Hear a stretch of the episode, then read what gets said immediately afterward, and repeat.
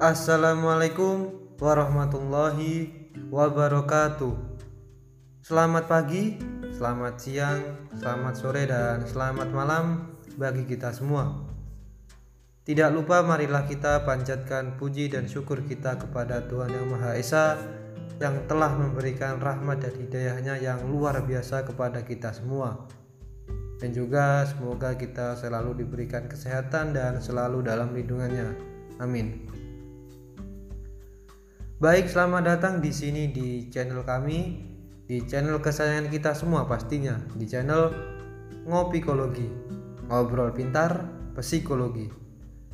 Dengan saya Muhammad Felix Agung Cahyono dan dengan rekan saya Sabrina Septi Wulandari. Kami adalah audiopreneur dari Prodi Pendidikan Bahasa Inggris Fakultas Keguruan dan Ilmu Pendidikan Universitas Islam Balitar Blitar, The Entrepreneurial University, dan juga merupakan universitas terbaik di Blitar Raya. Baik, langsung saja kali ini kami akan mengajak para pendengar semuanya untuk membahas tentang suatu teori. Oh iya kak, ngomong-ngomong teori apa sih kak yang akan kita bahas pada kesempatan kali ini? Alhamdulillah Kak, kali ini kita akan membahas tentang teori Colbert Dan teori ini merupakan aliran teori kognitif psikologi Kak. Oh, teori Colbert Wah, pastinya ini akan menjadi suatu pembahasan yang sangat-sangat menarik nih Kak untuk kita bahas.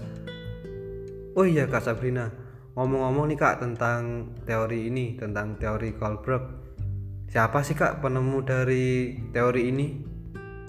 Teori ini kak ditemukan oleh Lawrence Colbert dan dia juga merupakan pengembang dari teori John Piaget oh iya kak. Kalau ngomong-ngomong tentang Lawrence Colbert nih kak dia itu adalah seorang psikolog asal Amerika Serikat. Dia lahir di Brownsville, New York, Amerika Serikat pada tanggal 25 Oktober 1927 dan meninggal pada 19 Januari 1987 pada umur yang ke-59 tahun. Dia juga menjabat sebagai profesor di Universitas Chicago serta Universitas Harvard. Ia terkenal karena karyanya dalam pendidikan, penalaran, dan perkembangan moral sebagai pengikut teori perkembangan kognitif dari Jean Piaget, karya Colbert e, bisa dikatakan mencerminkan dan bahkan memperluas karya-karya dari pendahulunya. Karyanya ini telah diperluas dan bisa dikatakan dimodifikasi oleh sejumlah pakar, seperti misalnya oleh Carol Gilligan yang merupakan kolega dari Lawrence Colbert. Baik, kembali lagi ke suatu topik pembahasan yang akan kita bahas pada kali ini, yaitu teori Kolberg. Mungkin dari Kak Sabrina bisa dong dijelaskan apa itu teori Kolberg. Mungkin banyak nih Kak dari para pendengar di sini yang masih belum mengetahui apa itu teori Kolberg. Baik Kak Sabrina, silahkan. Terima kasih Kak Yono. Saya akan menjelaskan apa itu teori Colbert? Nah, teori ini merupakan aliran teori kognitif psikologi. Nah, sebelumnya, apa sih teori moral itu? Teori moral adalah sikap dan perilaku individu yang didasari oleh nilai-nilai hukum yang berada di lingkungan tempat dia hidup. Jadi, individu dapat dikatakan memiliki teori moral adalah ketika individu sudah hidup dengan mentaati hukum-hukum yang berlaku di tempat dia hidup. Sedangkan menurut Lawrence Colbert, tahap perkembangan teori moral adalah ukuran dari tinggi rendahnya teori moral individu berdasarkan perkembangan penalaran teori moralnya. Dan Selain itu, psikolog corporate juga menyelidiki struktur proses berpikir yang mendasari perilaku moral. Dalam perkembangannya, psikolog corporate juga menyatakan adanya tingkat-tingkat yang berlangsung sama pada setiap kebudayaan. Tingkat teori perkembangan moral corporate adalah ukuran dari tinggi rendahnya moral individu dari segi proses penalaran yang mendasarinya, bukan dari perbuatan moral.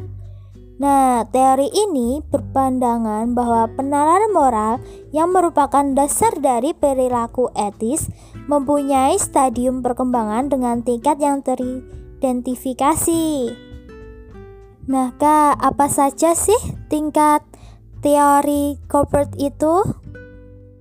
Baik Kak Sabrina, Kolbrock kemudian mengkategorisasikan dan mengklasifikasikan respon yang dimunculkan ke dalam enam tahapan yang berbeda.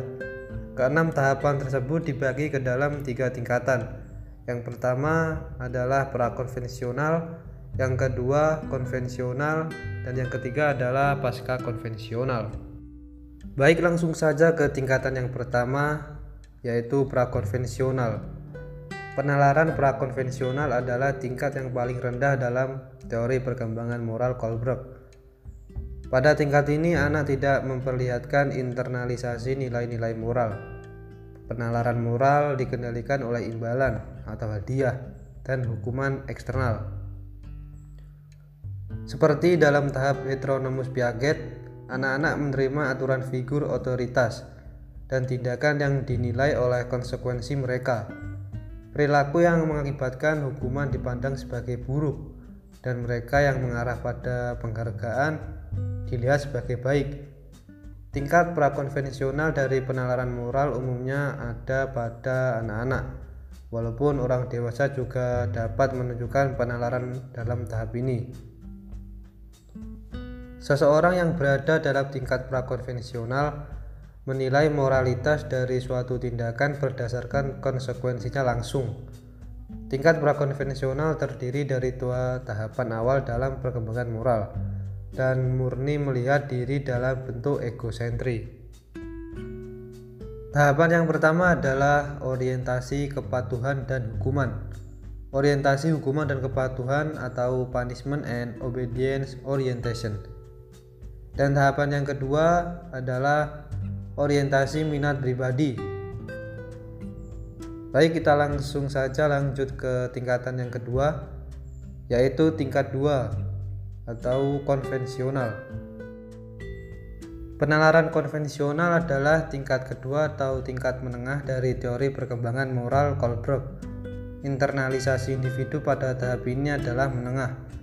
Seseorang mentaati standar-standar internal tertentu, tetapi mereka tidak mentaati standar-standar internal orang lain, seperti orang tua atau masyarakat. Pada tingkat konvensional, seseorang terus memperhatikan kesesuaian dengan aturan-aturan sosial yang penting, tetapi bukan karena alasan kepentingan diri sendiri.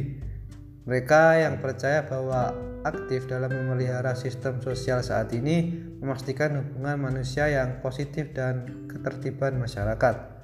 Tingkat konvensional umumnya ada pada seorang remaja atau orang dewasa. Orang di tahapan ini menilai moralitas dari suatu tindakan dengan membandingkannya dengan pandangan dan harapan masyarakat. Selanjutnya adalah tahapan yang ketiga, yaitu orientasi keserasian interpersonal dan konformitas. Dan selanjutnya adalah tahapan keempat, yaitu orientasi otoritas dan pemeliharaan aturan sosial.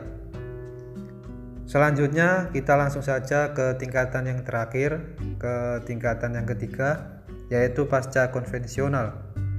Pada tingkat ini, moralitas benar-benar diinternalisasikan dan tidak didasarkan pada standar-standar orang lain.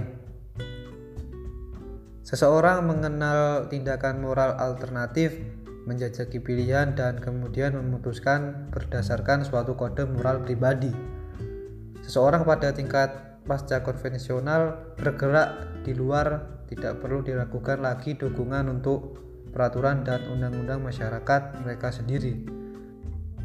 Mereka mendefinisikan moralitas dalam hal prinsip abstrak dan nilai-nilai yang berlaku untuk semua situasi masyarakat.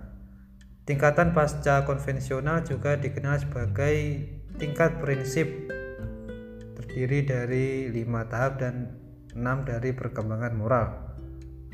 kenyataan bahwa individu-individu adalah entitas yang terpisah dari masyarakat kini menjadi semakin jelas. Perspektif seseorang harus dilihat sebelum perspektif masyarakat. Pada tingkat ini moralitas benar-benar diinternalisasikan dan tidak didasarkan pada standar-standar orang lain. Seseorang mengenal tindakan-tindakan moral alternatif, menjajaki pilihan-pilihan dan kemudian memutuskan berdasarkan suatu kode moral pribadi. Baik, selanjutnya adalah tahapan yang kelima, yaitu orientasi kontrak sosial. Dan selanjutnya adalah tahapan yang keenam, prinsip etika universal. Ya, itu tadi adalah pembagian dari tiga tingkatan dan juga enam tahapan dari teori Kohlberg ini. Tetapi saya minta tolong dong kak kepada Kak Sabrina supaya dijelaskan lagi tentang enam tahapan dari teori Kohlberg ini supaya para pendengar itu bisa lebih paham gitu loh kak dan juga lebih mengerti tentang enam tahapan teori ini baik kak monggo kak Sabrina silahkan baik terima kasih untuk kak Yono saya akan menjelaskan tentang tahap-tahap dari teori Colbert. Yang pertama, orientasi kepatuhan dan hukuman. Pada tahap ini, perkembangan moral didasarkan atas hukuman. Jadi, suatu tindakan dianggap salah secara moral bila orang yang melakukannya dihukum. Dan semakin keras hukuman yang diberikan, semakin salah tindakan itu. Tahap ini bisa dilihat sebagai sejenis otoritarisme. Anak-anak taat karena orang-orang dewasa menuntut mereka untuk taat. Jadi, anak-anak pada tahap ini sulit untuk mempertimbangkan dua sudut pandang dalam dilema moral. Akibatnya, mereka mengabaikan niat orang-orang dan bukan fokus pada ketakutan otoritas dan menghindari hukuman sebagai alasan untuk bersikap secara moral. Yang tahapan kedua adalah orientasi minat pribadi. Pada tahap ini, penalaran moral didasarkan pada imbalan dan kepentingan diri sendiri. Anak-anak taat bila mereka ingin taat, dan bila yang paling baik untuk kepentingan terbaik adalah taat. Apa yang benar adalah apa yang dirasakan baik dan apa yang dianggap menghasilkan hadiah. Anak-anak menyadari bahwa orang dapat memiliki perspektif yang berbeda dalam dilema moral tetapi pemahaman ini adalah pada awalnya sangat konkret. Mereka melihat tindakan yang benar sebagai yang mengalir dari kepentingan diri sendiri. Tahapan yang ketiga adalah orientasi keserasian interpersonal dan konformitas, atau bisa juga disebut dengan sikap anak baik. Pada tahap ini, seseorang menghargai kebenaran, kepedulian, dan kesetiaan pada orang lain sebagai landasan pertimbangan-pertimbangan moral. Pada tahap ini biasanya anak-anak sering mengadopsi standar moral orang tuanya. Tahapan yang keempat adalah orientasi otoritas dan pemeliharaan aturan sosial. Pada tahap ini, pertimbangan moral didasarkan atas pemahaman aturan sosial, hukum-hukum, keadilan, dan kewajiban. Seseorang memperhitungkan perspektif yang lebih besar dari hukum masyarakat Pilihan moral tidak lagi tergantung pada hubungan dekat dengan orang lain. Sebaliknya, peraturan harus ditegakkan dengan cara yang sama untuk semua orang dan setiap anggota masyarakat memiliki tugas pribadi untuk menegakkan mereka serta mematuhi hukum.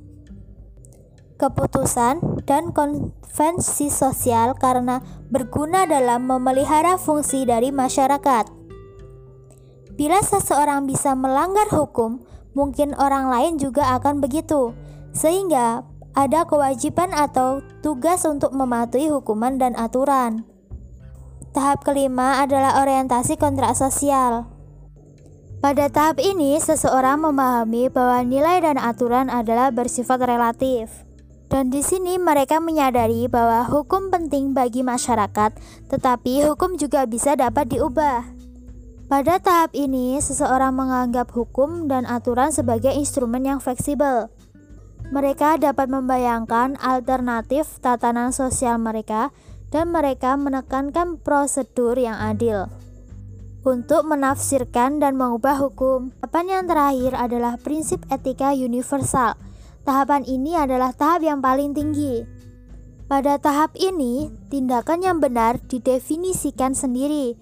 Prinsip etis yang dipilih dari hati nurani yang berlaku untuk semua umat manusia tanpa hukum dan kesepakatan sosial. Penalaran moral berdasar pada penalaran abstrak menggunakan prinsip etika universal ini. Bila menghadapi konflik secara hukum dan suara hati, seseorang akan mengikuti suara hatinya walaupun keputusan itu mungkin melibatkan resiko pribadi. Hukum yang valid bila berdasar pada keadilan dan komitmen, juga menyertakan keharusan untuk tidak mematuhi hukum yang tidak adil. Nah, itulah Kak penjelasan dari tahap-tahap teori Colbert. Nah, sebelumnya aku ingin bertanya kepada Kak Yono nih. Apa sih pengertian moral sendiri? Menurut Kakak, Wah, pengertian dari moral ya kak. Ini sebenarnya pertanyaan yang sangat sederhana, tetapi memiliki jawaban yang sangat mendalam dan juga sangat luas. Baik akan saya jawab pengertian dari moral. Moral itu adalah suatu keyakinan tentang benar, salah, baik dan buruk yang sesuai dengan kesepakatan sosial yang mendasari tindakan atau pemikiran. Jadi moral itu sangat berhubungan dengan benar, salah, baik, buruk, keyakinan, diri sendiri dan lingkungan sosial. Moral juga dapat diartikan sebagai suatu tindakan seseorang untuk menilai benar dalam cara hidup seseorang mengenai apa yang baik dan apa yang buruk, yaitu pengetahuan dan wawasan yang menyangkut budi pekerti manusia yang beradab. Yaitu jawaban saya mengenai pengertian dari moral. Oh iya kak, setelah kita berbicara panjang lebar nih kak tentang moral, tiba-tiba saya jadi teringat dengan kondisi moral para pelajar di zaman sekarang. Tidak semua pelajar sih kak, tapi juga ada para pelajar yang mengalami yang namanya kemerosotan moral. Kalau menurut Kak Sabrina nih, bagaimana tanggapan dari Kak Sabrina mengenai para pelajar yang mengalami kemerosotan moral? Baik Kak, silahkan. Wah, benar sekali Kak Yono. Zaman sekarang miris sekali moral para pelajar. Misalnya saja, sekarang banyak murid yang berani sekali sama gurunya. Bahkan mereka berani melakukan kejahatan. Seperti kasus-kasus pada berita yang lalu. Mereka berani memukul gurunya sendiri. Seperti tidak merasa bersalah sama sekali. Menurut tanggapan saya, dilihat dari kasus-kasus tersebut, sebenarnya yang bersalah itu semuanya bersalah entah itu guru, murid, atau juga bisa disangkut pautkan dengan masalah keluarga. Begini, jika kita lihat dari sudut pandang guru, ketegasan guru di situlah yang kita lihat. Guru kurang tegas dalam melakukan tindak hukuman ataupun menegur siswa yang kurang baik sikapnya. Jika kita lihat dari sudut pandang orang tua dan murid nih, di sini kita bertanya kepada bagaimana orang tua mendidik sang murid. Bisa jadi didikan di rumah atau di lingkungan keluarga itu kurang. Atau bisa jadi sang muridlah yang sangat sulit untuk dididik dan sang murid terpengaruh dari lingkungan luar juga. Nah, bagaimana menurut Kak Yono tentang kasus-kasus tersebut? Apakah Kak Yono mempunyai tanggapan lain? Ya, kurang lebihnya saya sangat setuju sekali dengan jawaban dari Kak Sabrina. Tapi di sini saya ingin memberikan sedikit komentar dari saya.